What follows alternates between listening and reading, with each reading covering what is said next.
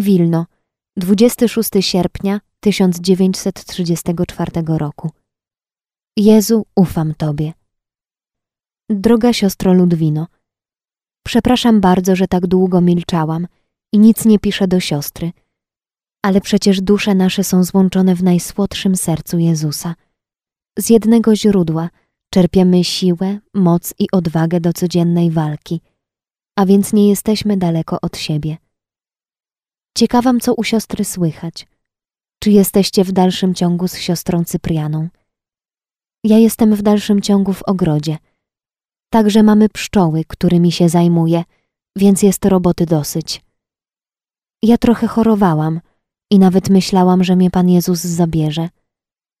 W jednym dniu czułam się bardzo źle, ale dziś już jest wszystko dobrze i jestem już przy obowiązku.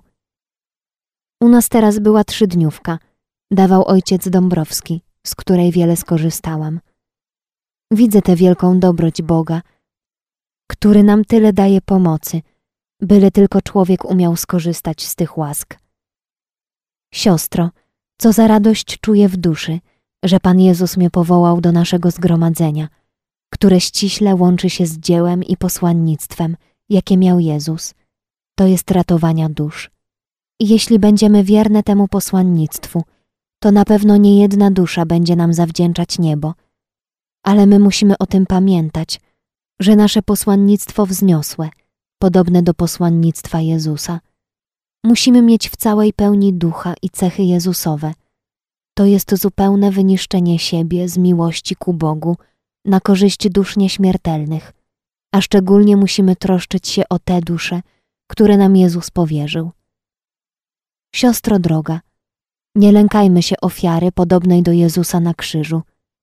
Nie lękajmy się wcale, bo miłość nam doda siły i odwagi do jej złożenia. Co za radość wyniszczać się dla nieśmiertelnego króla i oblubieńca swego. Co za radość być jak kwiat polny pod stopami Jezusa, więdnąć powoli i wonią swoją zachwycać Jego boskie serce.